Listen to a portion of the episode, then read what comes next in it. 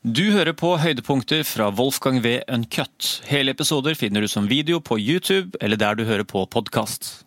Ja, han er jo blitt det. Og det sier jo litt om hvor levende den industrien er. Mm. Som jeg nevnte tidligere, kontra klassiske komponister. Så han fremstår jo litt som en slags uh, Rubens mm. innenfor musikken.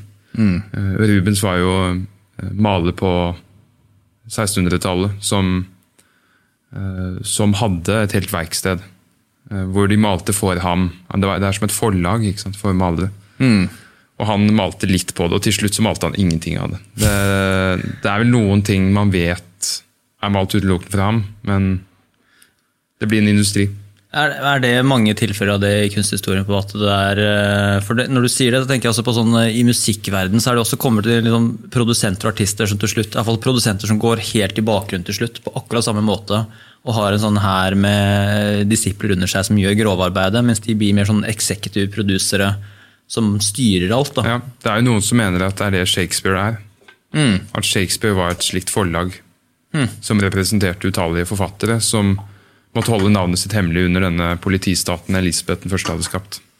Der er det store uenigheter, men jeg har falt veldig for den tanken. Mm. Eh, at eh, Shakespeare, rett og slett, Å snakke om mannen Shakespeare blir litt dumt. Det blir som å snakke om mannen Gyldendal eller mannen Aschehoug. Men er det, er det, liksom eh, noe de fleste er enige om akkurat det? At det ikke er en person, men at det er en, eh, en, en enhet? Det er en av teoriene.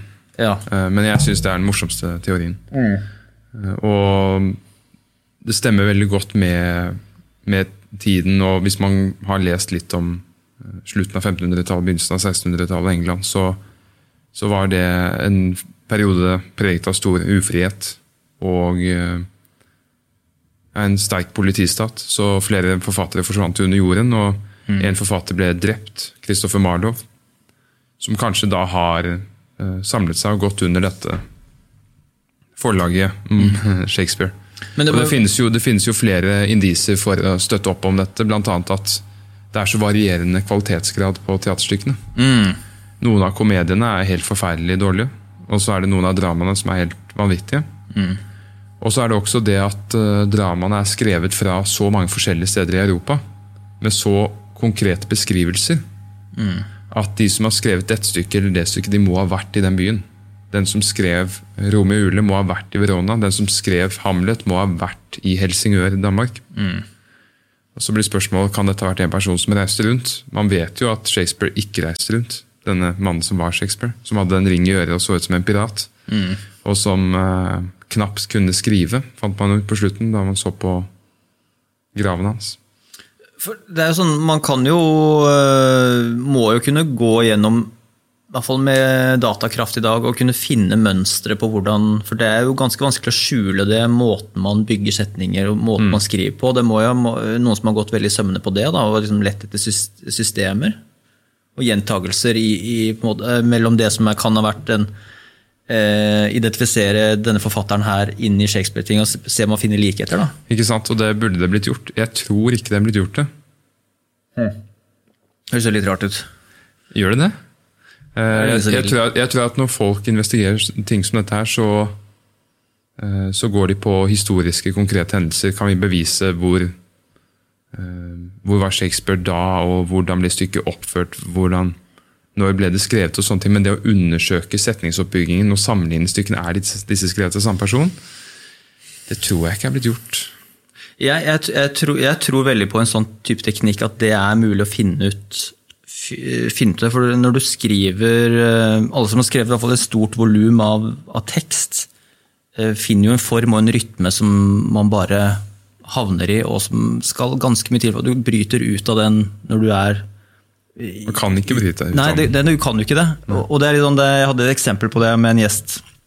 Eh, nei, en, en jeg snakka med som hadde eh, gjort research på noen som skrev på en fake Twitter-konto.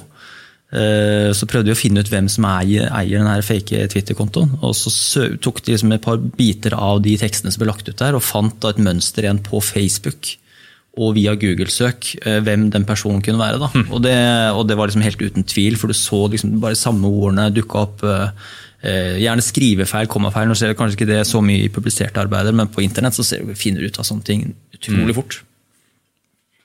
Nei, men Da burde noen faktisk eh, ta, som- ta dette på strak arm. Jeg vet at det er en nordmann som var veldig opptatt av Shakespeare og mysteriet Shakespeare, som jeg har glemt navnet hans. Denne NRK-dokumentaren. Ja. han, han mente jo at uh, Bacon mm, ja. sto bak. Men det, det mener jeg er eh, Jeg har jo ikke sett alle bevisene, og jeg har ikke lest nok om dette. Min bror har lest mye mer. Men eh, jeg tror det er veldig vår tid, det å sette seg fast på at det er én person.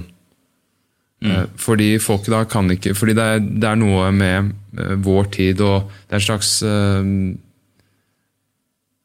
ikke sant? Bak, et, bak ethvert eh, maleri så er det én mann. Ikke sant? Det er, enten så er det Edvard Munch, mm. eller så er det Harriet Backer. Uh, og innenfor forfattervirksomhet er ett navn. Eh, og det kommer ut fra en sånn 1700-talls, 1800-talls romantisk bevegelse at et verk blir skapt ut fra hodet på én person. ikke sant? Ja, jeg skulle til å si Det Det er en veldig sånn romantisk tanke at det, med en gang det blir flere personer inne Ja, så da blir det en industri, og da blir Ja. det skittent og kapitalistisk og sånn. Og jeg tror ikke det er så mange som går inn på Shakespeare og ser hvem var det hvem var det som egentlig skrev dette. Var det Christopher Marlowe eller var det denne duken, eh, som noen andre mener det er? Og så går de helt forbi det at det kanskje er skrevet av et dusin mennesker. Det, det var, jeg, leste, jeg har ikke sett den dokumentaren, men jeg leste en, en kritikk eh, av den som virka sånn, eh, litt sånn fellende i seg selv. Det var jo at han, eh, at han som vi ikke husker navnet på her, som har lagd den dokumentaren, gikk i den her confirmation bias-fella. At du har en hypotese, og så går du liksom du, du oppsøker informasjon for å bekrefte det du tror, Mm. istedenfor å Det er vanskelig å også med vilje prøve å finne ut de tingene som skal avkrefte Mm. det du mistenker. Det, det, det, du vil jo gjerne at det du har satt alle penger på, skal stemme. eh, Og det gjør jo at du får en sånn skjevhet i Ja. hele din etterforskning. Da. Og det var dessuten uh, en setning som bekrefter dette fra den dokumentaren. Jeg så aldri den dokumentaren, jeg bare kjenner ting litt rundt det. Og min far så den dokumentaren. Og da var det særlig én feil han bet seg merke til, og det var da, eh, da han så på graven til Francis Bacon. Og det sto 'Here lies my art'. Og da mente han at eh, det var en slags beskjed om at her ligger mine manuskripter, eller noe slikt. Mm. Problemet her er jo at ordet art på den tiden betød vitenskap. Det betød ikke det vi kaller kunst i dag. Mm. Det vi kaller kunst i dag, det er eh, et resultat av en 1700-talls eh, eh, hva skal man si, tenketank eller filosofisk eh, eh, bevegelse eller samtaler, eh, hvor de skapte noe som kalles fine art på engelsk. Mm. Eller skjønn vitenskap. Som et maleri eller et musikkstykke. Det er skjønn vitenskap. Mm. Og det som skjedde med fine art, var jo at i løpet av 1800-tallet så sluttet de å si fine foran, og det ble bare art. Mm. Men i utgangspunktet så betyr art vitenskap, og det stemmer jo med Bacon sitt, sitt offisielle liv. Eh, Og vi sier jo fortsatt om leger i Tyskland, vi kaller de arts, for Akkurat. eksempel. Og det, var, det, var, det er et eksempel på en av fellene han gikk inn i. at eh, Straks han så noe som kunne støtte hans teori, så hoppet han på helt ukritisk. Du tror de kommer til å finne ut av det der? da? Jeg tror ikke man har lyst til å finne ut av det. Det hadde vært veldig kjedelig. Men, Av den eh, romantiske årsaken, kanskje? At det, hvis det blir la oss si det blir snes eller dusin med avsendere, så vil, vil, vil det devaluere hele Shakespeare at det er tolv personer som står bak? Definitivt. definitivt. Og det er jo fordi det moderne mennesket har en sånn romantisk eh, idé om eh, et kunstverk skapt fra ett hode. Mm. Som representerer fullstendig frihet og sant? At man ikke er, eh, ikke er bundet til noen eller noe. Man bare skaper.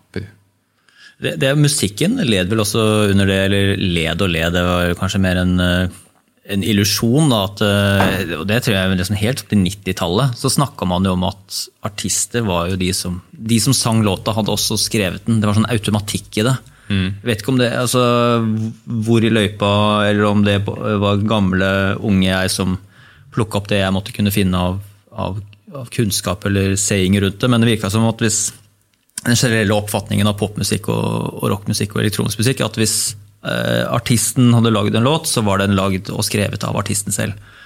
Og så eh, tror man så kanskje av industri, popindustrien på 90-tallet mer og mer at også det ble veldig sånn legitimt å snakke om produsenter, og at det fantes låtskrivere, og det, eh, at det sto mye mennesker bak disse tingene her. Da. Men det var jo også den litt illusjonen at eh, artisten skrev sine egne låter. altså var sånn at det var veldig purt. da, veldig... Um, Personlig og ja. alt det der. Ja, og jeg har ikke jeg har ikke noen sånne moralske skrupler når det gjelder sånne ting. Det eneste mm. problemet med sånn type samarbeid eh, er jo at uh, man risikerer jo alltid at det er en person som samarbeider med folk som er dårligere enn ham selv. Ja, det må du uh, og, da, og da, Det går ikke. Og det er jo Skulle liksom Beethoven, hvem skulle han ha samarbeidet med? Mm. Han hadde jo ikke orket det. Du vet jo også verdens beste samarbeid. Det er jo da, som vi snakka om i sted, Hans Zimmer og han James Newton Howard. Kjenner du til han komponisten der? Det var til The Dark Knight. det. Ja, De lagde jo Dark Knight og filmen før. Eh, Batman Begins. Ja, og Batman Begins. Og, da, og de to fant jo åpenbart en unik Det er jo veldig sjelden innenfor filmmusikk hvor man får sier høyt at det er to stykker som har eh, gjort et likeverdig arbeid på filmmusikken. da. Eh, men her gjorde de jo, visstnok, hvis det stemmer, så var jo da Hans Zimmer gjorde eh, den energiske delen. Actionpartiene og liksom de mest voldsomme, det han var mest kjent for. Og så gjorde James Newton Howard alt av emosjonelle, tårevåte myke øyeblikk. da. Så mm. de, delte opp arbeidet på sånn, og så var det sikkert mye sparing og sånt, men um, Jeg syns også at uh, Batman Begins er veldig fint uh, Musikk, ja. ja. ja. Og mye bedre enn filmen.